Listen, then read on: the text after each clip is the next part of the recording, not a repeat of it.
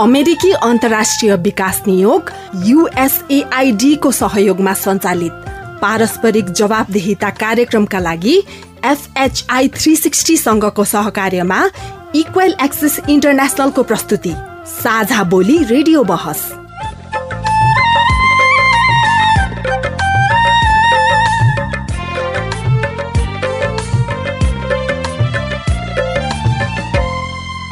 नमस्कार। साझा बोली रेडियो बहसमा तपाईँलाई स्वागत छ।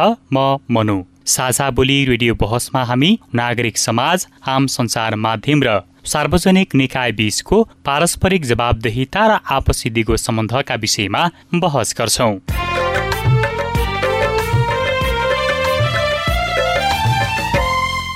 पारस्परिक जवाबदेहिताका क्षेत्रीय सवाल र परिवेश समेटेर तयार पारिएको साझा बोली रेडियो बहसको यो स्थानीय संस्करण हो।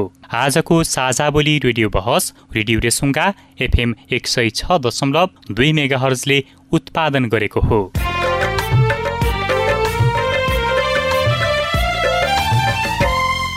साझा बोली रेडियो बहसको यस सत्रको यो स्थानीय संस्करणको आज पच्चिसौँ भाग हो। झण्डै चार वर्ष अघिदेखि प्रसारण भइरहेको साझा बोली यस वर्ष रेडियो बहसका रूपमा उत्पादन तथा प्रसारण भइरहेको छ।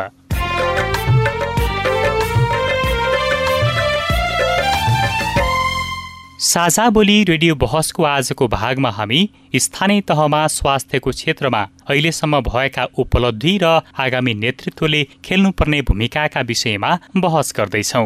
नेपालको संविधानले आधारभूत स्वास्थ्य सेवालाई प्रत्येक नागरिकको मौलिक हकको रूपमा स्थापित गरेको छ।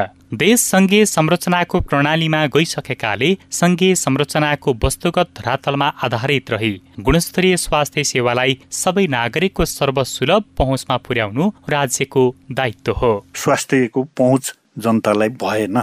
त्यस्तै स्थानीय तह स्थापना भएपछि स्वास्थ्यको क्षेत्रमा भएको उपलब्धिका विषयमा तपाईँ सिधा प्रश्नको सिधा जवाफ पनि सुन्न सक्नुहुन्छ।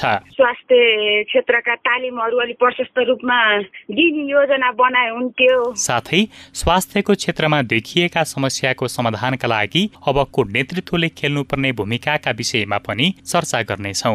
र स्रोत र साधनलाई ठिक समयमा ठिक ठाउँमा परिचालन गर्न सक्ने यी गुण भएको व्यक्तिहरू नेतृत्वमा रह्यो भने समस्याहरू समाधान हुन्छन्।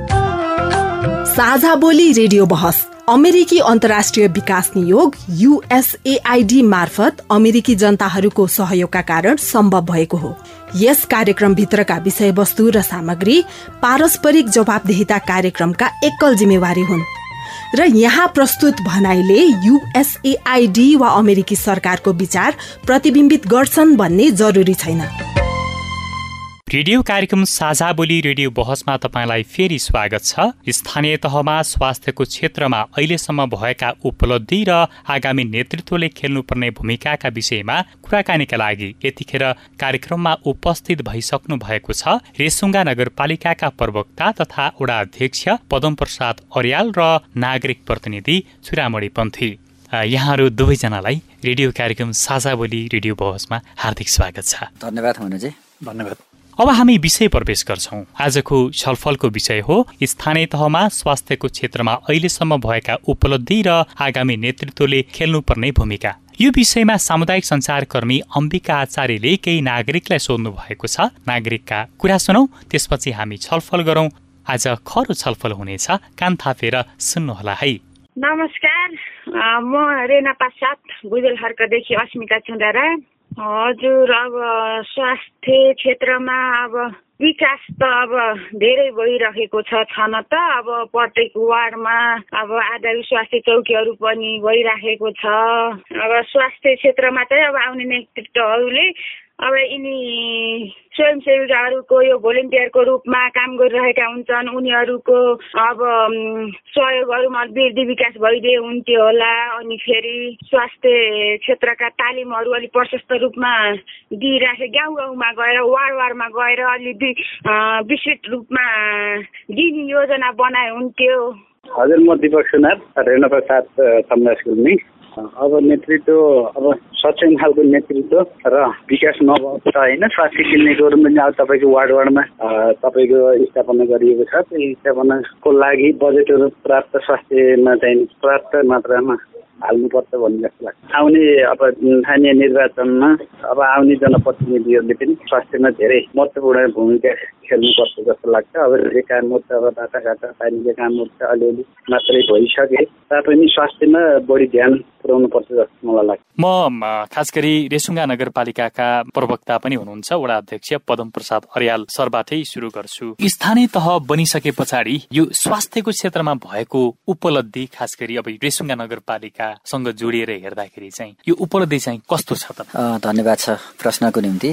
रेसुङ्गा नगरपालिकामा हामी निर्वाचित भइसकेपछि स्वास्थ्यको क्षेत्रमा केही महत्वपूर्ण सुधार भएको छ। अहिले हामीले दसवटा वडाबाट स्वास्थ्य सेवा प्रदान गरिरहेका छौँ जसमा जसमा हामीले सातवटा नयाँ भवन यसपालि निर्माण गर्यौं र तीनटा पुराना भवनहरू थिए। अस्थायी रूपमा हामीले अहिले सबैवटा चौधवटै वडाबाट अर्थात् थप चारवटा वडाबाट पनि हामीले अस्थायी रूपमा सेवा प्रवाह गरिरहेका छौँ। जनताको संविधानमा व्यवस्था भएको जनताको स्वास्थ्य सम्बन्धी जुन अधिकार छ त्यसमध्येको एउटा पाटो स्थानीय सरकार पनि भएको कारणले त्यही संघीय सरकारको अर्थात् संविधानको व्यवस्थालाई कार्यान्वयन गर्ने जिम्मेवार निकाय भएको कारणले हामीले त्यही आधारमा जनताको अधिकारलाई स्थापित गर्ने गरी स्वास्थ्य क्षेत्रमा ध्यान पुर्याइरहेका छौँ। त्यो सँगसँगै हामीले भौतिक संरचनामा जुन सातवटा भवन बनाइसक्यौँ र बाँकी तीनटा भवन बन्ने प्रक्रियामा छन् तीनटा नयाँ बनिसकेको अवस्था पुरानो भवन बनिसकेको अवस्था थियो भने एउटा खास गरेर वार्ड नम्बर आठमा जिल्ला अस्पताल पनि भएको कारणले त्यहाँ हामीले त्यो कुरामा अलिक थोरै समस्या भएको स्थिति छ।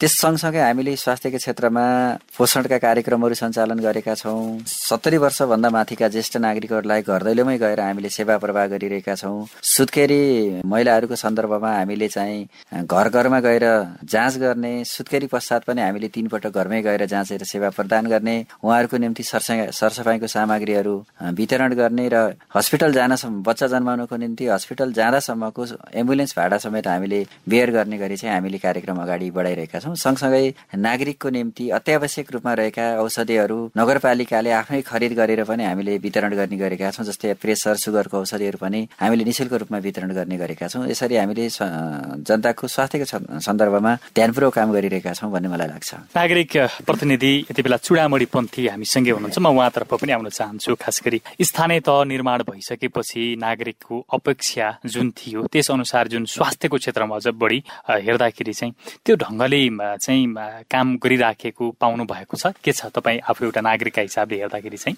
धन्यवाद। अब हाम्रो यो नयाँ संविधानले के भनेको छ भने समाजवाद उन्मुख एउटा संविधान भएको हुनाले शिक्षा स्वास्थ्यमा चाहिँ सरकारले ग्यारेन्टी गरेको अवस्था हो। त्यसमा अब यो पछिल्लो चरणमा चाहिँ केही कुराहरू चाहिँ भएको पाइन्छ। तरै पनि अहिलेसम्म के छ भने स्वास्थ्य क्षेत्रमा अझै पनि मान्छेहरूलाई एउटा चेतना स्वास्थ्य शिक्षाको कमी भएको पाइन्छ। इभन है तमगासमा पनि यो लामा झाँक्रीबाट पोहोर साल एकजना यी तमगास बजारमै एकजना लामा झाँक्रीबाट मान्छे मरेको घटना ताजै छ। यस्ता कुराहरू पनि अझै छन्। धेरै स्वास्थ्य शिक्षाका कुराहरू पनि कमी छन्।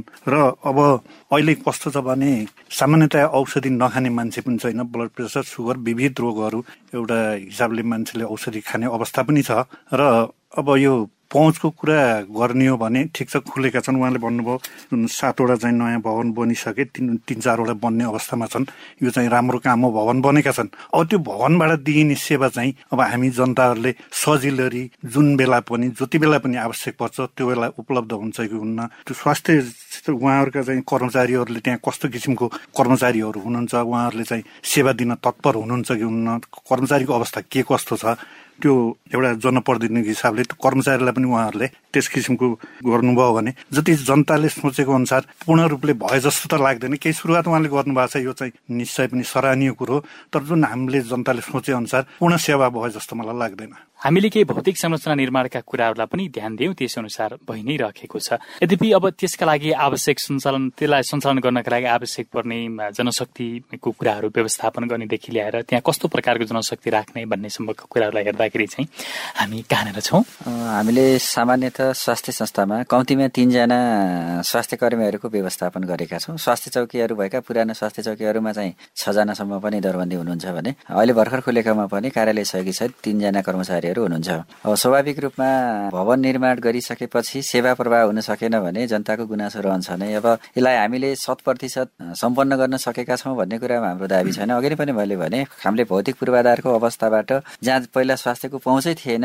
त्यहाँ हामीले पहुँच पुर्याउने गऱ्यौँ। जुन चाहिँ सरकारको सेवा प्रवाह स्वास्थ्य सम्बन्धी जुन कुरा छ चौबिसै घन्टा खुल्ला हुनुपर्ने अथवा सेवा प्रवाह हुनुपर्ने भन्ने जुन जुन चुरामणीजीको भनाइ छ यसमा मेरो सहमति छ। तर पनि नेपाल सरकारको मापदण्ड तलबको अवस्था कर्मचारीको व्यवस्थापनको कारणले हामीले त्यो सेवा चौबिसै घन्टा दिन सकेका छैनौँ। खास गरेर सिमिचोर स्वास्थ्य चौकीमा बर्थिङ सेवा पनि भएको कारणले बर्थिङ सेन्टर पनि भएको कारणले त्यो चौबिसै घन्टा त्यहाँ चाहिँ सेवा प्रवाह गर्न सकिन्छ। त्यो बाहेक अन्यमा अन्य क्षेत्रमा चाहिँ हामी गर्न सकिरहेका छैनौँ। तर पनि पहिला कस्तो स्थिति थियो भने दस बजेदेखि दुई बजेसम्म मात्रै स्वास्थ्य कर्मीहरू बस्ने अवस्था थियो। त्यसलाई हामीले कम्तीमा पनि दस बजेदेखि पाँच बजेसम्म चाहिँ स्वास्थ्य संस्था खुल्ने गरी त्यो व्यवस्थापन गरेका छौँ।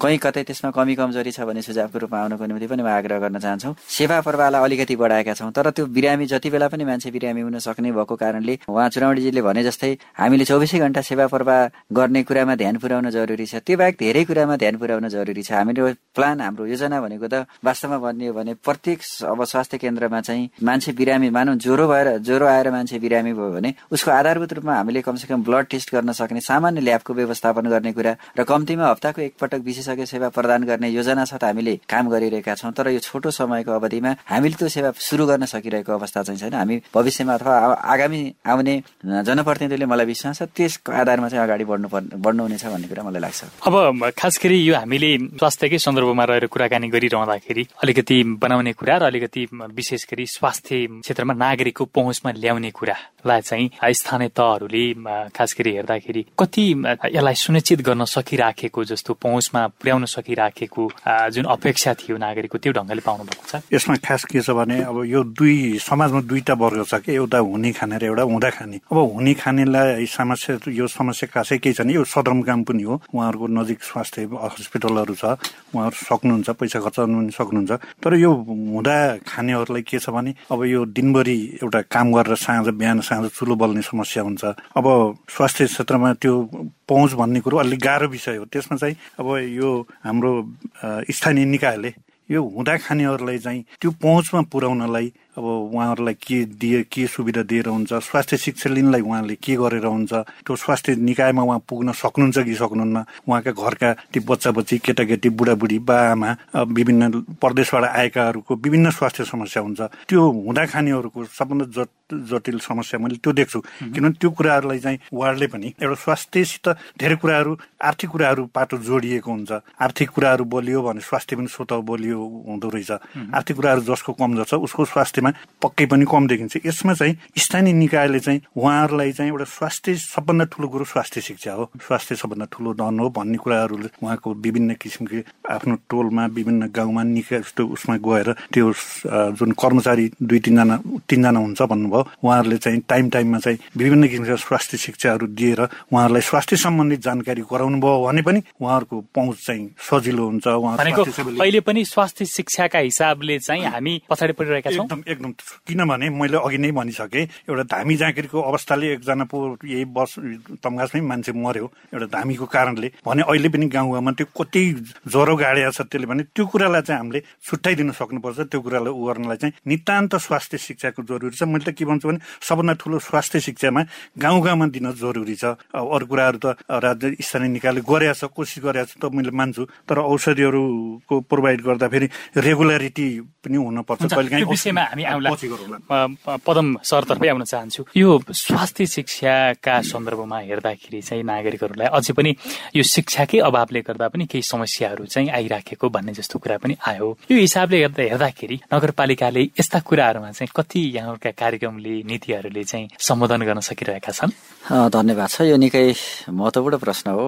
वास्तवमा हाम्रो चेतना स्तर चेतना स्तर प्राप्त गरेका अथवा शिक्षित वर्गका मान्छेहरूले पनि गर्ने अन्धविश्वास माथि गर्ने विश्वासको जुन समस्या छ त्यो पूर्ण रूपमा हटेको छैन। त्यो सबै क्षेत्रमा त्यो स्थिति नै छ भन्ने कुरा चाहिँ मलाई लाग्दैन। हाम्रो नगरपालिकाले पनि विभिन्न कार्यक्रमहरू खास लक्षित वर्गकै निम्ति भनेर हामीले चेतनामूलक कार्यक्रमहरू गरेका हुन्छौँ। महिला सशक्तिकरण कार्यक्रम मार्फत दलित जनजातिको सशक्तिकरण कार्यक्रम मार्फत पनि हामीले यी कुराहरू जोडेका हुन्छौँ। तर यो कस्तो छ भने पहिला केही सीमित वर्गहरूमा मात्रै त्यो चेतनाका कार्यक्रमहरू तालिमका कार्यक्रमहरू पुग्थे भन्दा अहिलेको दायरा चाहिँ अलिकति फराकिलो बनाइएको छ।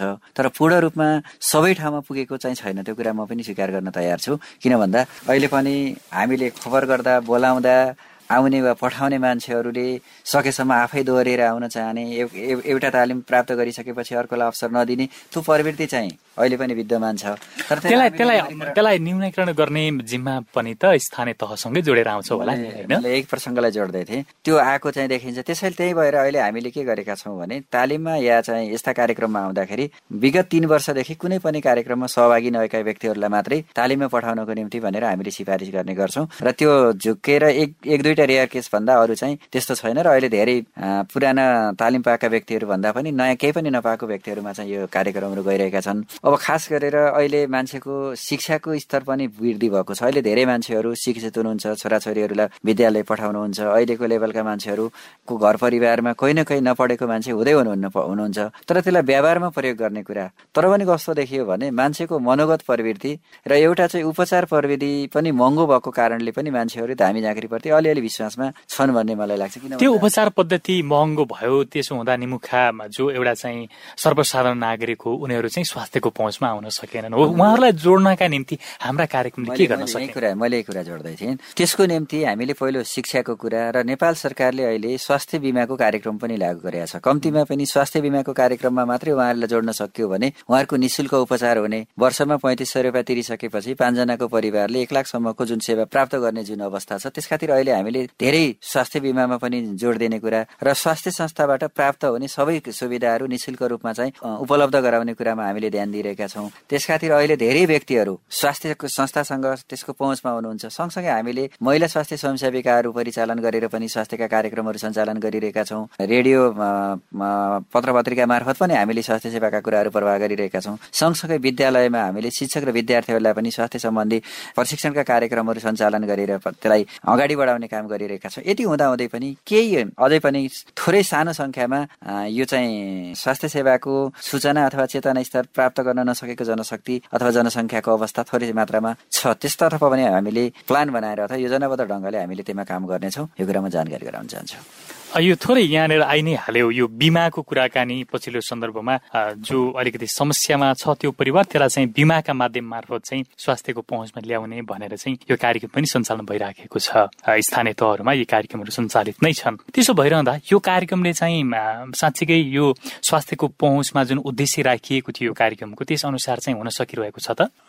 बिमाको प्रसङ्गमा बिमा चाहिँ राम्रो कुरा हो। यो बिमाले चाहिँ सजिलो चाहिँ बनाउँछ महँगो उपचार छ। अहिले जुन उहाँले भन्नुभयो अहिले उपचार चाहिँ खासैमा महँगो छ। त्यो महँगो भएको कारणले बिमा गर्न जरुरी छ। त्यसले गर्दा केही राहत हुन्छ। ठिकै हो तर एउटा कुरा के सोच्नु पर्ने जरुरी छ भने सम्पूर्ण फेम परिवारले बिमा गर्यो कि गरेन। कुनै परिवारले बिमाको प्रिमियम शुल्क तिर्न सक्ने अवस्था छ कि छैन। हामीले हेर्नुपर्ने एकदम निम्न स्तरमा गएर उसले त्यो बिमाको प्रिमियम अब वर्षको कति लाग्छ? पच्चिस सय तिन हजार कति हो? त्यो परिवारले त्यो तिर्न सक्ने अवस्था छ कि छैन? त्यस्तो तिर्न नसक्ने अवस्थालाई स्थानीय निकायले त्यो प्रिमियम तिर्न तिर्दिनु पर्ने जरुरी पनि मैले देख्छु जसले सक्दैन। किनभने स्थानीय निकाय त घर आँगनकै तलमाथिको उसले चिनेकै हुन्छ। तिर्न सक्ने हैसियत छ कि छैन भन्ने स्थानीय प्रतिनिधिलाई थाहा हुन्छ। नसक्ने छ भने उहाँहरूलाई वार्डमा चाहिँ निर्णय गरेर उहाँहरूले तिर्दै हुन्छ। तिर्दिँदा राम्रो देख्छु मैले। अर्को मैले आफूले पाइरहेको बिमामा डाक्टरहरूले जुन लेखिएका औषधि सबै नपाइएको हामीले पाउन सकेनौँ भन्ने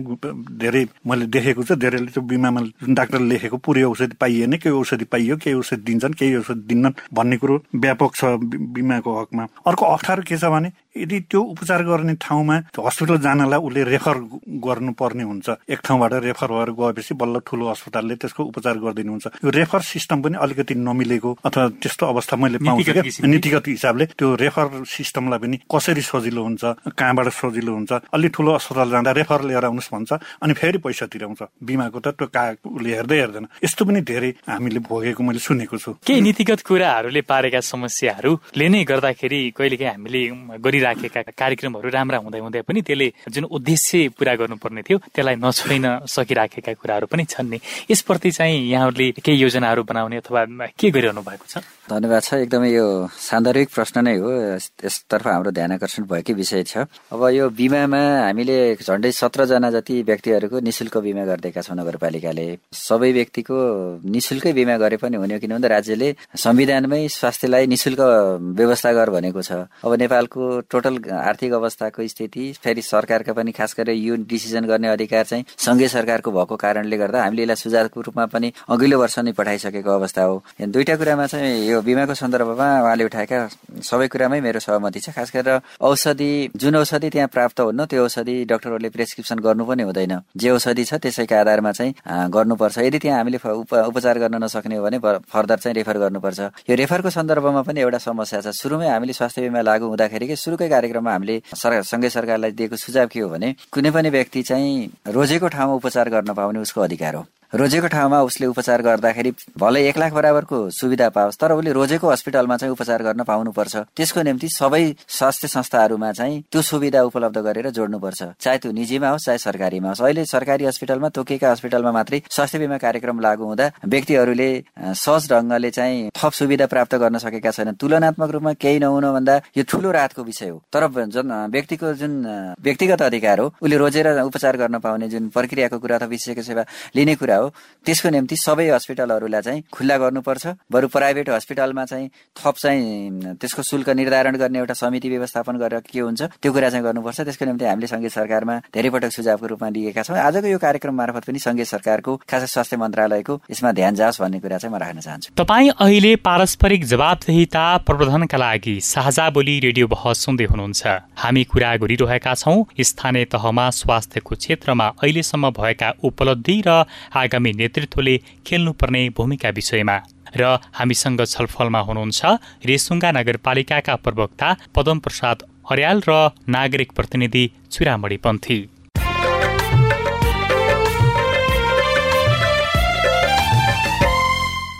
रेडियो कार्यक्रम साझा बोली रेडियो बहसमा तपाईँ अहिले स्थानीय तहमा स्वास्थ्यको क्षेत्रमा अहिलेसम्म भएका उपलब्धि र आगामी नेतृत्वले खेल्नुपर्ने भूमिका विषयमा सवाल जवाब सुन्दै हुनुहुन्छ। बहसमा अतिथि हुनुहुन्छ रेसुङ्गा नगरपालिकाका प्रवक्ता पदम प्रसाद अर्याल र नागरिक प्रतिनिधि चुरामणी पन्थी। यससँगै हामीले स्थानीय तहमा स्वास्थ्य शिक्षालाई प्रभावकारी बनाउनु पर्छ भन्ने कुरामा सहमत भएका छौँ तर अझै पनि केही विषय अनुत्तरित नै छन्। अब अलिकति यो औषधिको विषयमै थोरै जोड्यौँ भने विभिन्न प्रकारका औषधिहरू राज्यले चाहिँ निशुल्क रूपमा चाहिँ उपलब्ध गराउने भन्ने त अब व्यवस्था नै छ। यो उपलब्ध चाहिँ गराउने सन्दर्भमा हामीले कसरी उपलब्ध गराउने गरेका छौँ तथ्याङ्कहरू चाहिँ सङ्कलन गर्ने लगायतका यस्ता कार्यहरूमा हाम्रो ध्यान पुग्न सकिरहेको छ? धन्यवाद छ। यस्तो के हुन्छ भने हामीले खास गरेर प्रत्येक महिनाको अठाइस गते महिला स्वास्थ्य स्वयंसेविकाहरूले रिपोर्टिङ गर्नुहुन्छ। स्वास्थ्यको अवस्था के छ भन्ने कुरा दोस्रो दोस्रो कुरा चाहिँ प्रत्येक दिन स्वास्थ्य संस्थामा आउने बिरामीहरूको रेकर्डको अवस्थामा चाहिँ यस्तो गर्छौँ। हामीसँग नगरपालिकामा स्टोर हुन्छ। जनसङ्ख्याको आधारमा बिरामीको फ्लोको आधारमा चाहिँ औषधि औषधिहरू वितरण गर्ने गर्छौँ। प्रक्रिया चाहिँ त्यही हो। जस्तो अहिले औषधि वितरण गर्ने सन्दर्भमा चाहिँ जसरी वितरण गरिराखेको छ सरले भनि पनि हाल्नुभयो। त्यो हिसाबले हेर्दाखेरि आम नागरिकको एउटा जुन चाहना हो त्यो ढङ्गले चाहिँ महसुस गर्न पाइरहेका छन् त। यसमा यस्तो छ अब औषधिको कुरा गर्दा औषधि सामान्यतया दुई थरी। एउटा सरुवा रोगको लागि चाहिने औषधि एउटा नसर्ने रोगको लागि औषधि। अब सरुवा रोगको लागि आवश्यक पर्दा मात्रै पाँच सात दिन दस दिन मात्रै चाहिने कुराहरू हुन्छ। नसर्ने रोगको लागि रेगुलर खानुपर्ने औषधि हुन्छ। रेगुलर खाने औषधि मैले अब कुनै कुनै स्वास्थ्य संस्थामा एक महिना पाइयो अर्को महिना पाइएन फेरि किन्न जानुपर्ने अर्को महिना पाइयो फेरि अर्को महिना किन्न पर्ने कहिले तिन चारवटा औषधि खानेमा एक दुईवटा छुटेको एक दुईवटा पाएको यस्तो अवस्था धेरै छ। यसमा रेगुलर खाने औषधि त यति हामीलाई चाहिन्छ यति आवश्यक छ यति बिरामी छन् भन्ने कुरो यदि त्यो डाटा चाहिँ सही भयो सही हिसाबले डाटा राख्ने हो स्वास्थ्य एरियामा अथवा त्यो वार्ड कार्यालयमा राख्ने हो भने त्यो रेगुलर खानुपर्ने नसर्ने रोगको लागि खानुपर्ने जस्तै सुगर ब्लड प्रेसर विविध थाइरोइडका औषधिहरू त अब त्यो हिसाब गरे अनुसार नै कन्ज्युम हुन्छ। त्यहाँ के छ भने अब त्यो या डाटा नभएर डाटा लिने सिस्टम छैन कि अथवा सही डाटा छैन कि अथवा केही कतै लुपोल छ कि त्यो कारणले त्यस्तो पनि मैले देख्छु। अब मान्छेले के भन्छ यी कुरालाई सुधारेर उहाँहरूलाई चाहिँ रेगुलर खाने औषधि रेगुलरै उहाँलाई उपलब्ध गराइदिने हो भने अब यो राम्रो हुन्छ। सरह रोग सरह रोगको हकमा लाग्ने आवश्यक पर्दा चाहिने हो त्यो कुरालाई चाहिँ हुन्छ होला जस्तो लाग्छ। त्यसमा पनि अब आवश्यक कुनै अब सरुवा टाइफाइड ज्वरो भयो विविध कुराहरूलाई पनि अब त्यो कहिले पाएको कहिले नपाएको अब मैले सुन्नमा आउँछ जस्तो लाग्छ। अब अब चाहिँ अहिलेसम्म स्थानीय तहहरूले आफूले गरिराखेका कामहरू तपाईँले नजिकबाट हेरि पनि रहनु भएको छ उहाँले सञ्चालन गरिराखेका विभिन्न कार्यक्रमहरू र चाहिँ त्यसमा पनि अलिकति छुटिराखेका कुराहरू होइन? यो चाहिँ गर्न आवश्यक छ है भन्ने कुराहरू चाहिँ के देख्नुहुन्छ? भन्दा त त्यो वार्डमा स्वास्थ्य सम्बन्धी धेरै कुराहरू हुन्छन् जस्तै पोषणका कुरा हुन्छ सुत्केरीका कुरा हुन्छ बालबच्चाको कुरा हुन्छ होइन? अनि वृद्ध वृद्धको कुरा हुन्छ अनि यो माइग्रेनको कुरा हुन्छ जो बाहिर नोकरी गर्न जाने दुई चार वर्षमा आउने इन्डिया जाने आउने यिनी सम्पूर्ण जनसङ्ख्याको यो केटागोरी छुट्याएर यदि त्यो स्वास्थ्य संस्थाले त्यसको रेकर्ड राख्यो रेकर्ड सबभन्दा कुरो डाटाको आवश्यक छ किनभने हामी सबभन्दा कमजोर केमा छौँ भने डाटामा हामीसँग यति वृद्ध छन् यति बच्चा छन् यति बाहिर आउने जाने माइग्रेन्ट छन् यति सुत्केरी हुने महिला छन् यति विविधहरू छन् भनेर हामीले डाटा छुट्याइयो भने उहाँहरूलाई दिने सेवा दिनलाई हामीलाई यति लाग्छ है भनेर हामीले पहिले त्यो त्यसलाई इस्टिमेट गर्न सकिन्छ। यो चाहिँ डाटा लिने नितान्त जरुरी छ। त्यो किन वार्ड कार्यालय पनि राख्न सक्छ स्वास्थ्य संस्थाले पनि राख्न सक्छ। हामीसँग यस्तो छ यसको लागि यति चाहिन्छ भनेर चाहिँ त्यो राख्न सकिन्छ। एउटा हामीसँग डाटा लिने सिस्टममा अलिकति हामी कमजोर छौँ कि जस्तो पनि मलाई लाग्छ। त्यही भएर होला अब यो कहिले औषधि पुग्ने नपुग्ने मैले अघि भनिहालेँ। अब जस्तै बाल पोषणका कुराहरू भए के चाहिन्छ कस्तो चाहिन्छ के कुराहरू सुत्केरी पेटमा बच्चा भएका आमाहरूलाई के चाहिन्छ कस्तो सेवा चाहिन्छ त्यो डाटा सही हुने भने त्यो त्यहाँ टुट्दैन तर त्यो डाटा गलत भयो भने टुट्न सक्छ। अब यसमा खास गरेर स्वास्थ्य सेवा प्रोभाइड गर्ने जुन हाम्रो मेन पावर छ नि जुन तिनजना उहाँ हेल्थ हटमा चाहिँ कर्मचारी हुनुहुन्छ। त्यो त्यो चाहिँ उहाँहरूको मेन उहाँहरूको सेवा सुविधा र उहाँहरूले काम गर्ने शैली जाँगर विवि यसमा भर पर्ने कुराहरू हुन्छ कि? उहाँले काम गर्न चाहनुभयो भने त्यो वार्डका स्थानीय निकायमा सेवा दिन गाह्रो छैन। त्यसको लागि चाहिँ अब वडा प्रतिनिधिहरूले उहाँहरूलाई चाहिँ एउटा हौसला दिने त्यस किसिमको उहाँहरूलाई के कमी कमजोरी छ कि? उहाँको आफ्नो घरायसी केही समस्या छ कि? केही कोही टाढा होला घर पाइ पाउला के भन्ला विविध कुराहरू हुन्छ नि कर्मचारीका त। त्यो कुराहरू पनि वडा कार्यालयले हेरिदिने हो भने उहाँहरूले काम गर्न सक्नुहुन्छ जस्तो लाग्छ। अनि त्यो मेन पावरलाई विविध तालिमहरू पनि चाहिन्छ। अहिले नयाँ नयाँ कुराहरू त निस्किराखेका हुन्छन् होइन? त्यो नयाँ नयाँ कुराहरूलाई उहाँहरूलाई कमसेकम एक डेढ वर्ष दुई वर्षभित्रमा उहाँलाई रिफ्रेसर तालिमको व्यवस्था पनि हुनु जरुरी जस्तो मलाई लाग्छ। हजुर अहिलेसम्म हामीले सञ्चालन गर्दाखेरि कार्यक्रमहरू बनाउँदाखेरि चाहिँ यो डाटा बेसमा रहेर बनाउने गरी राखेका छौँ अथवा यहाँहरूले गर्ने गरेको चाहिँ तरिका चाहिँ के हो? महिला स्वास्थ्य स्वयंसेविकाहरूलाई परिचालन गर्छौँ डाटा सङ्कलनको निम्ति। त्यस सँगसँगै स्वास्थ्य संस्थामा आउने महिला स्वास्थ्य स्वयंसेविकाहरूको पहुँच नहुने अथवा बाहिरबाट आउनु अघि जोड्नु भएको थियो नि कहिले आउने कहिले जाने गरेको माइग्रेनको जुन जनशक्ति हुन्छ जनसङ्ख्या हुन्छ त्यसलाई पनि मध्यनजर गरेर हामीले गरेका छौँ। डाटाबेस बिना त हामीले औषधि खरिद गर्न पनि सक्दैनौँ वितरण गर्न पनि सक्दैनौँ। अब कहिले काहीँ अब मलाई चाहिँ यो स्वास्थ्य संस्थामा औषधिको अभाव छ भन्ने कुरा चाहिँ अब मैले पहिलोपटक सुने होइन। यो कुरा मलाई जानकारी पनि थिएन। उहाँले भनेको कुरा गलत पनि मैले भनेन किन भन्दाखेरि कहीँ कहीँ कस्तो हुनसक्छ भने स्वास्थ्य कर्मीहरूले समयमा औषधि नमाग्दा या सप्लाई नलग्दाखेरि पनि त्यो स्थिति रहन सक्छ। र अलि कोभिडको बेलामा सिटामोलमा अलिकति हामीले कन्ट्रोल गरेका थियौँ। किन भन्दा स्टक गरेर चाहिँ सिटामोल सम्बन्धी स्वास्थ्य संस्थामा नपठाउँ किन भन्दा जहाँ अप्ठा धेरै बिरामी देखा पर्छ त्यहाँ धेरै पठाउनु पर्ने हुन्छ भनेर त्यो अवस्थामा कहीँ त्यस्तो भएको चाहिँ हुन सक्ला। अन्यथा चाहिँ हामीले रेगुलर समयमै औषधि खरिद गर्ने र वितरण गर्ने प्रक्रियामा चाहिँ हामी ध्यान दिइरहेका छौँ। दोस्रो कुरा यो कर्मचारीहरूको व्यवस्थापनको निम्ति हामीले सबै कर्मचारीहरूलाई रोजेको ठाउँमा कार्यस्थल रहने गरी हामीले खटन पार्ने व्यवस्था गरेका छौँ। किन भन्दा बाहिरबाट आउने जुनियर कर्मचारीहरूलाई नयाँ ठाउँमा पठाउने र पुरानो कर्मचारीहरूलाई रोजेको ठाउँमा पठाउने गरी न्यायोचित वितरणको प्रक्रियाबाट सकेसम्म हामीले ध्यान पुर्याइरहेका छौँ। जुन चाहिँ महिला स्वास्थ्य स्वयंसेविका र स्वास्थ्य कर्मीहरूको तालिमको कुरा छ यसलाई हामीले रेगुलर सञ्चालन गरिरहेका छौँ। वर्षमा दुईपटक यस्ता तालिमहरू हामी प्रत्येक वर्ष चाहिँ गरिरहेका छौँ। यद्यपि त्यही त्यही महिला स्वास्थ्य सरी स्वास्थ्य कर्मीहरू अझै अपडेट हुन सकुन् युट्युबबाट पनि उहाँले थप कुरा अध्ययन गर्न सक्नुहोस् भनेर हामीले प्रत्येक स्वास्थ्य संस्थामा कम्प्युटर इन्टरनेटको व्यवस्था पनि गरेका छौँ। र अब यो वर्षकै हामीले त्यहाँको स्वास्थ्य शाखा प्रमुखलाई एक एकवटा ल्यापटप पनि दिने र थप कुरा उहाँहरूले चाहिँ सबै कुराहरू चाहिँ सफ्टवेयर सिस्टमबाटै गर्न सक्ने गरी चाहिँ हामीले व्यवस्थापन गरिरहेका छौँ। उहाँहरूको रिपोर्टिङ टोटल्ली सफ्टवेयर सिस्टमबाट चाहिँ गर्नुपर्ने त्यो प्रक्रियामा पनि अगाडि गएका छौँ। यद्यपि हामीले धेरै कुरामा सुधार गर्नुपर्ने छ मैले अघि नै भने नि खास गरेर दुईवटा कुरामा हामीले ध्यान पुर्याउन जरुरी नै छ भन्ने हामीले अघि नै पनि जोडेँ मैले त्यो त्यसतर्फ हामी ध्यान दिइरहेका छौँ। खास गरेर कम्तीमा पनि ल्याब सञ्चालन गर्नुपर्ने आवश्यकता छ प्रत्येक स्वास्थ्य संस्थामा किन भन्दा त्यो अहिले चाहिँ सामान्यत जाँच पडताल बिना औषधिको खुवाउने वा व्यवस्थापन गर्ने कुराले पनि झन् जोखिम बढ्न सक्ने स्थिति हुन्छ। टाढा टाढाका व्यक्तिहरू चाहिँ तम्गा साउनको निम्ति अत्यन्त महँगो छ गाडीबाट तिरेर आउनुपर्ने अवस्था छ। कमसेकम हप्ताको एकपटक त्यहाँ विशेषज्ञ सेवा उपलब्ध गराउने गरी चाहिँ हामीले चाहिँ व्यवस्थापन गर्नुपर्छ र त्यसको निम्ति कम्तीमा बढीमा तिनजना डाक्टरहरूलाई हामीले नगरपालिकाले नियुक्ति गर्न सक्यौँ भने त्यसले हामीलाई पुग्छ भनेर हामीले एक प्रकारको प्लान पनि बनाइरहेका छौँ। तर समस्या कहाँनिर भयो भने हाम्रो रेसुङ्गा नगरपालिकाको आन्तरिक स्रोत निकै कम छ। हामीले यसपालि भौतिक धेरै पैसा खर्च गर्नु पर्यो चाहे त्यो भवन निर्माणको सन्दर्भमा होस् चाहे अन्य सन्दर्भमा कुरा होस्। किन भन्दा हामी स्थानीय सरकार भएको कारणले स्थानीय सरकारको दायित्व नै हो त्यसतर्फ हामीले ध्यान पुर्याउनु पर्ने छ। सँगसँगै हामीले चेतना स्तर खास गरेर शिक्षा मार्फत नै चेतना स्तर र हामीले पिउने पानीको शुद्धिकरणमा ध्यान पुर्याउन सक्यौँ भने रोग नियन्त्रण गर्ने कुरामा स्वाभाविक रूपमा हामी अगाडि जान सक्छौँ।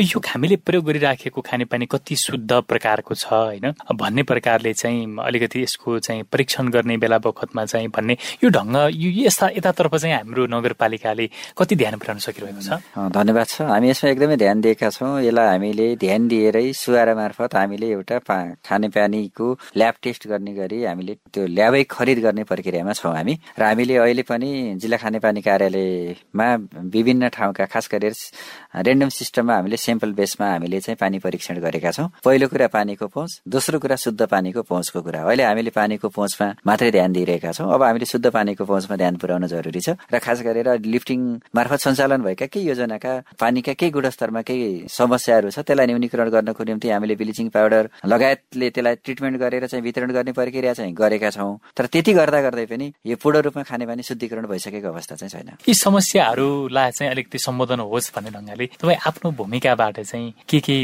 भनौँ न एउटा पहल गरिरहनु भएको छ अथवा त्यसमा चाहिँ तपाईँको भूमिका के रहन्छ? स्वाभाविक रूपमा हामी सामाजिक विकास समितिको मिटिङमा छलफल हुँदा होस् चाहे नगरपालिकाको कार्यपालिकाको मिटिङमा विभिन्न तहका नीतिगत निर्णय गर्ने मिटिङमा हाम्रो सहभागिता हुँदै सन्दर्भमा व्यक्तिगत रूपमा यी कुराप्रति म सचेत छु। यी कुरालाई कार्यान्वयन गर्नको निम्ति हामी प्रयत्नशील छौँ साझा रूपमै प्रयत्नशील छौँ र व्यक्तिगत रूपमा म प्रयत्नशील छु। किन भन्दा म केही यही क्षेत्रमा पनि काम गरेको अलिअलि चाहिँ यो कुराको मलाई जानकारी पनि भएको र खास गरेर कानुनले अथवा संविधानले व्यवस्था गरेको कुरालाई कार्यान्वयन गर्नु सरकारका प्रतिनिधि भएको कारणले त्यो हाम्रो जिम्मेवारी भएको कारणले त्यसतर्फ हामी चाहिँ ध्यान हाम्रो ध्यान गएको छ। तर पनि यहाँ समस्या कहाँनिर छ भने मैले अघि तपाईँलाई जोडेको थिएँ रेसुङ्गा नगरपालिका जिल्लाको सदरमुकाम भएको नगरपालिका हो। तर यो नगरपालिकाको आन्तरिक स्रोतको बारेमा कुरा गर्ने हो भने तपाईँ नपताउने स्थिति छ। हामी वर्षको एक करोड पनि हामी आन्तरिक आय स्रोत चाहिँ हाम्रो छैन। अब हामीले यसलाई करको दर हामीले बढाएका छैनौँ करको दायरा मात्रै बढाएका छौँ। खानेपानीको सन्दर्भमा हामीले बेलायतको एउटा नगरपालिकासँग भागिनी सम्बन्ध गाँसेर त्यसमार्फत हामी कार्यक्रम सञ्चालन गर्ने अवस्थामा थियो। तर यो ब्याडलकले हाम्रो चाहिँ यो विगत तीन वर्षदेखि कोभिडको कारणले हाम्रो त्यो एकपटक पनि भिजिट गर्न हामीले पाएनौँ। सामान्य छलफलको अवस्थामा मात्रै हामी छौँ। अब आन्तरिक स्रोत बाह्य स्रोत सङ्घीय सरकारको स्रोत या प्रदेश सरकारको स्रोत या आम नागरिक सबैको सरकारवालाबाट परिचालन गर्ने स्रोतलाई समेत पनि परिचालन गरेर यो स्वास्थ्य सबैको साझा सरोकारको विषय हो। कुनै पनि व्यक्ति अथवा कुनै जनतालाई हामीले स्वस्थ राख्न सक्यौँ भने त्यसले सबै कुरामा सुधार गर्छ। चाहे त्यो शिक्षाको भन्दाखेरि हामीले शिक्षा र स्वास्थ्यमा हामीले शिक्षालाई पहिलो भन्छौँ तर वास्तवमा शिक्षा र स्वास्थ्यमा स्वास्थ्य नै पहिलो है। किन भन्दा कुनै पनि व्यक्ति स्वस्थ भएन भने उसले पढ्न पनि सक्दैन कुनै काम पनि गर्न सक्दैन। व्यावहारिक रूपमा उसको जीवन सहज पनि हुँदैन। त्यस खातिर हामीले पहिलो कुरा स्वास्थ्यलाई नै ध्यान दिएर भन्छौँ यो भन्छौँ। तर हामीले बनाउने बेलामा चाहिँ अहिले पछिल्लो सन्दर्भमा हेर्ने हो भने स्वास्थ्यको सन्दर्भमा लगानी गर्ने कुराहरू यस्ता हिसाबले हेऱ्यौँ भनेदेखि चाहिँ अलि अलि यसलाई चाहिँ त्यति चाहिँ महत्त्व ढङ्ग नदिएको हो कि भन्ने जस्तो पनि पाइन्छ नि। यो आम रूपमा चाहिँ तपाईँलाई त्यस्तो लाग्न सक्छ। तर हामीले रेसुङ्गा नगरपालिकाको हकमा हामीले चाहे त्यो बने बजेट विनियोजनको सन्दर्भमा होस् आन्तरिक स्रोतको बजेट विनियोजनको सन्दर्भमा होस् चाहे जनशक्ति व्यवस्थापन गर्ने सन्दर्भमा होस् हामीले स्वास्थ्य संस्थामा हाम्रो दरबन्दी भन्दा बढी हामीले छत्तिस लाख रुपियाँ त हामीले आन्तरिक स्रोतबाट स्वास्थ्य कर्मीहरूलाई अहिले हामीले तलब खुवाउनुपर्छ। तर पनि हामीले स्वास्थ्य कर्मी व्यवस्थापन गरेका छौँ। यो अभियन्ता हाम्रो चुरामणीजीले उठाउनु भएको थियो नि यो समाजवाद उन्मुख राज्यको हामीले परिकल्पना गरिरहेका छौँ त्यस खातिर पनि हामी त्यसतर्फ जानको गर्नको निम्ति पनि राज्यले यो अहिले हामीले स्वास्थ्यको सन्दर्भमा कुरा गरिरहेका छौँ स्वास्थ्यमा निशुल्क उपचार गर्न पाउने व्यवस्था गर्नुपर्छ। जस्तै अहिले स्वास्थ्य चौकीहरूमा सबै टिकटदेखि लिएर औषधि सबै कुरा हामीले निशुल्क जुन गरिरहेका छौँ हस्पिटलहरूमा पनि त्यो सुविधा प्राप्त गर्ने गरी राज्यले व्यवस्थापन गर्नुपर्छ। त्यसको त्यो जिम्मा स्थानीय सरकारले गर्न सक्दैन। किन भन्दा हामी जुन लेभलमा छौँ हाम्रो अधिकार क्षेत्र दियो त्यसमा बसेर हामीले बहस गर्ने हो। त्यसको निम्ति प्रदेश सरकार र सङ्घीय सरकारले यसमा ध्यान दिन जरुरी छ। किन भन्दा सफल राज्य हुनको निम्ति नागरिक नागरिकले प्राप्त गर्नुपर्ने आधारभूत स्वास्थ्य सेवा पनि प्राप्त गर्न नसक्ने उपचार गर्न नपाएर नागरिकहरूको ज्यान जाने स्थिति भयो भने हामीले समाजवादको कुरा यो भाषणमा अथवा कल्पनामा गरे विषय मात्रै हुनसक्छ। किन भन्दा हरेक व्यक्तिलाई बाँच्न पाउने अधिकार छ। बाँच्नको निम्ति उपचार गर्न पाउने चाहे नेपाल सरकारले मान्यता दिएर स्थापना भएका प्राइभेट हस्पिटल हो या सरकारले आफूले स्थापना गरेका हस्पिटल होस् जनताले रोजेको ठाउँमा पहुँच अथवा क्षमताको आधारमा होइन कि जनताले रोजेको ठाउँमा आवश्यकताको आधारमा। फेरि कोही कोही व्यक्तिलाई चाहिँ सरकारी अस्पतालमा सामान्य अस्पतालमा उपचार गरेर निको हुने स्थिति छ भने रोजेको ठाउँमा भनेर ठुलो हस्पिटलमा जानु पनि हुँदैन। त्यसले अर्कोलाई हेम्पर पनि हुनु हुँदैन त्यसकति तर त्यहाँ उपचार गरेर उसको सम्भव छैन भने ठुलो हस्पिटलमा पनि निशुल्क रूपमा उपचार गर्ने व्यवस्था राज्यले गर्नुपर्छ। यो कुरा चाहिँ तपाईँ हाम्रो साझा बोली हुनुपर्छ। यो ढङ्गले हामी लाग्न जरुरी छ। साझा बोली रेडियो बहसमा अहिले हामी कुरा गरिरहेका छौँ। स्थानीय तहमा स्वास्थ्यको क्षेत्रमा अहिलेसम्म भएका उपलब्धि र आगामी नेतृत्वले खेल्नुपर्ने भूमिका विषयमा। र बहसमा अतिथि हुनुहुन्छ रेसुङ्गा नगरपालिकाका प्रवक्ता पदम प्रसाद अर्याल र नागरिक प्रतिनिधि चुरामणी पन्थी यतिन्जेलको छलफलमा हामी स्वास्थ्यको क्षेत्र सबैको साझा बोलीको विषय बन्नुपर्नेमा सहमत भएका छौँ साझा बोली रेडियो बहसमा अझै हामी स्वास्थ्य क्षेत्रको विकासका लागि अबको नेतृत्व र भूमिकाका विषयमा थप छलफल गर्नेछौँ साझा बोली रेडियो बहस सुन्दै गर्नुहोला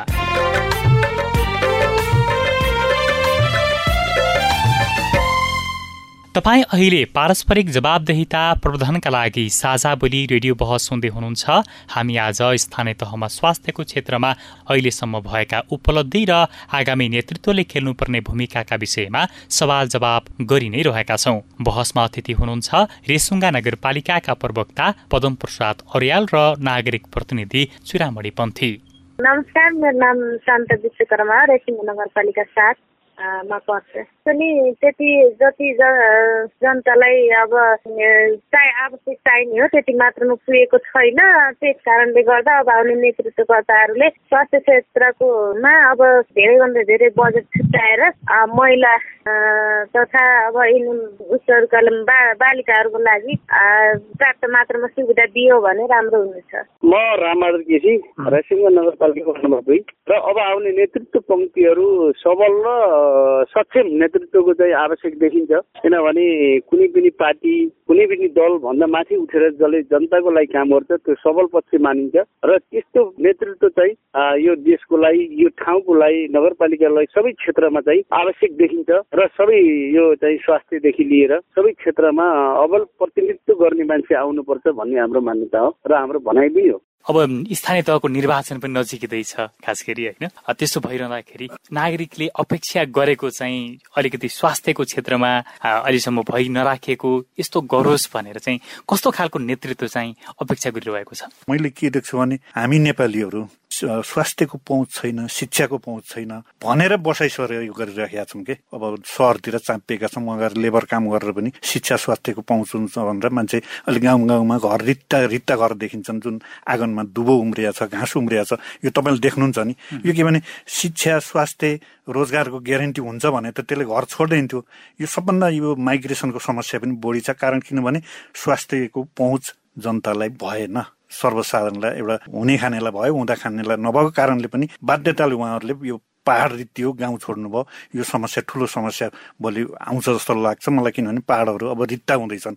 त्यो बाध्यतालाई चाहिँ अब आगामी निर्वाचनमा अब स्वास्थ्य सम्बन्धी कम से कम एउटा वार्डमा एउटा वडा अध्यक्ष हुनुहुन्छ चारजना प्रतिनिधि हुनुहुन्छ पाँचजनाको एउटा बोडी हुन्छ। त्यो बोडीले कमसेकम स्वास्थ्य सम्बन्धी चाहिँ यो गरम है भन्ने एउटा जागरुक उहाँ एउटा शिक्षित स्वास्थ्य सम्बन्धी भएको जानेको मान्छे त चुनिनु भयो छानिनु भयो हामीहरूले जनताले छाने भने कमसेकम त्यो स्वास्थ्यको वडाले दिन सक्ने अथवा पालिकाले दिन सक्ने दियो भने त केही राहत त हुन्छ। त्यस्तो किसिमको अब आगामी निर्वाचनमा चाहिँ एउटा सबैले सोच्नुपर्ने कुरा के छ भने जसले चाहिँ स्वास्थ्य सम्बन्धी अब अरू विकास त हुँदै भए स्वास्थ्य सम्बन्धी अलिक बढी चासो राख्नुहुन्छ त्यो मान्छेलाई निर्वाचित गराउनु भयो भने नेतृत्वमा उहाँहरूलाई ल्याउनु भयो उहाँहरू आउनुभयो भने सायद केही राहत हुन्छ जस्तो मलाई लाग्छ। तपाईँ एउटा नेतृत्व तहमै भनौँ न नेतृत्व गरिरहेको वडा अध्यक्ष सँगसँगै एउटा स्थानीय तहको नेतृत्व लेभलमा चाहिँ प्रतिनिधित्व पनि गरिरहनु भएको छ। तपाईँले चाहिँ के भन्नुहुन्छ? अबको यो अवस्थालाई हेर्दाखेरि त्यहाँ काम गर्दाखेरिका समस्याहरू पनि के के हुँदो रहेछन् भन्ने कुराको पनि अनुभव पनि भयो। त्यो हिसाबले हेर्दाखेरि यो स्वास्थ्यको क्षेत्रलाई चाहिँ सुधार गर्नका निम्ति कस्तो खालको नेतृत्व आवश्यक छ? यो दुई तिनवटा कुरा छ। यो नेतृत्व हाम्रोमा रहेको समस्या मलाई लाग्छ के छ भने नेता धेरै मान्छे बन्न सक्छन्। नेता र नेतृत्व फरक हो। नेतृत्व थोरै मान्छेले मात्रै गर्न सक्छन्।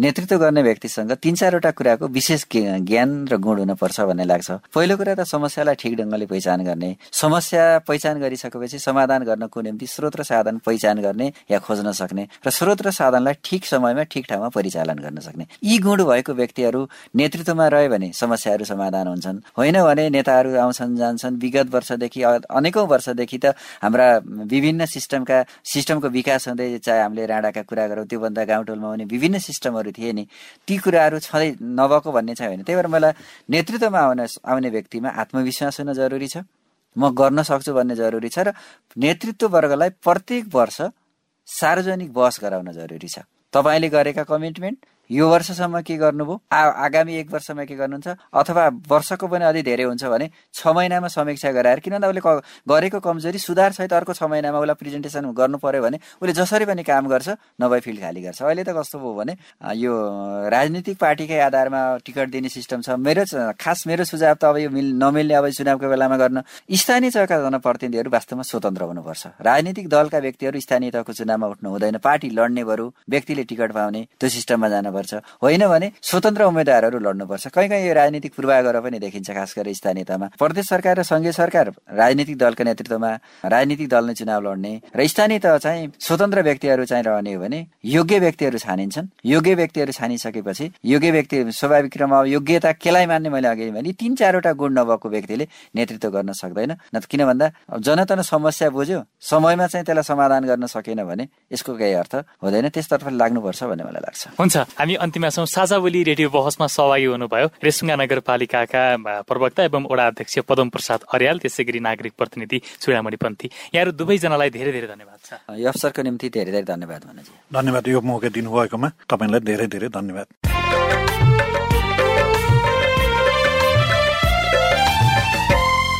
हामी साझा बोली रेडियो बहसको अन्त्यमा आइपुगेका छौँ। साझा बोली रेडियो बहसबारे मनका कुरा भन्नका लागि एनटिसीको मोबाइल वा ल्यान्डलाइन फोन प्रयोग गर्नुहुन्छ भने सोह्र साठी शून्य एक शून्य शून्य चार पाँच नौमा फोन गर्न सक्नुहुन्छ। एनसेल प्रयोग गर्नुहुन्छ भने अन्ठानब्बे शून्य पन्ध्र एकहत्तर शून्य उनातिसमा फोन गर्नुहोला। यी नम्बरहरूमा फोन गरेको पैसा लाग्दैन र प्राप्त निर्देशन अनुसार प्रश्न सोध्न सकिन्छ। पारस्परिक जवाबदेहिताबारे आफूले देखे सुने या भोगेका कुनै कुरा लेख मार्फत व्यक्त गर्न चाहनुहुन्छ वा अरूका लेखहरू पढ्न चाहनुहुन्छ भने W W W dot M E R O R E P O R T dot net पनि लगइन गर्न सक्नुहुन्छ। साझा बोली रेडियो बहस तपाईँले मेरो रिपोर्ट वेबसाइट पोडकास्ट च्यानल र सामाजिक सञ्जालहरूमा पनि सुन्न सक्नुहुन्छ।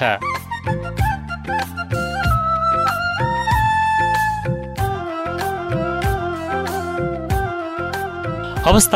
आजको साझा बोली रेडियो बहसबाट अब विदा हुने बेला भयो। आज हामीले स्थानीय तहमा स्वास्थ्यको क्षेत्रमा अहिलेसम्म भएका उपलब्धि र आगामी नेतृत्वले खेल्नुपर्ने भूमिकाका विषयमा खर कुराकानी गर्यौं। स्वास्थ्य क्षेत्रको विकास सबैको साझा बोली बन्नुपर्छ।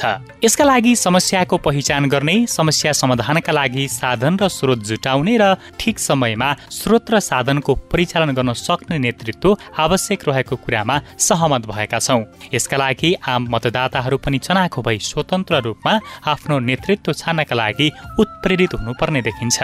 सक्षम र असल नेतृत्वले मात्र स्वास्थ्य क्षेत्रमा देखिएका समस्यालाई हटाएर सही प्रकारको स्वास्थ्य नीति र कार्यक्रम मार्फत कार्यान्वयन गरी सुशासनको अनुभूति गराउन सक्छ। आजका हाम्रा अतिथि रेसुङ्गा नगरपालिकाका प्रवक्ता पदम प्रसाद अर्यालले स्वास्थ्यको विकासका लागि नागरिकबाट प्राप्त सल्लाह सुझावलाई ग्रहण गरी नीति र कार्यक्रममा जोड दिने तथा नागरिक प्रतिनिधि चुरामणी पन्थीले आवश्यक स्थानमा रचनात्मक सल्लाह र सुझाव प्रदान गर्ने प्रतिबद्धता जनाउनु भएको छ। आशा छ यी प्रतिबद्धताहरू पूरा हुनेछन्। यतिन्जेल ध्यान दिएर कार्यक्रम सुन्नुभएकोमा तपाईँलाई धन्यवाद। आगामी हप्ता पनि आजको जस्तै समयमा सार्वजनिक जवाबदेहिताको अर्को विषयमा खरो छलफल लिएर आउने नै छौँ सुन्न नबिर्सनुहोला। आजको कार्यक्रमबाट म मनोविदा भएँ। नमस्कार।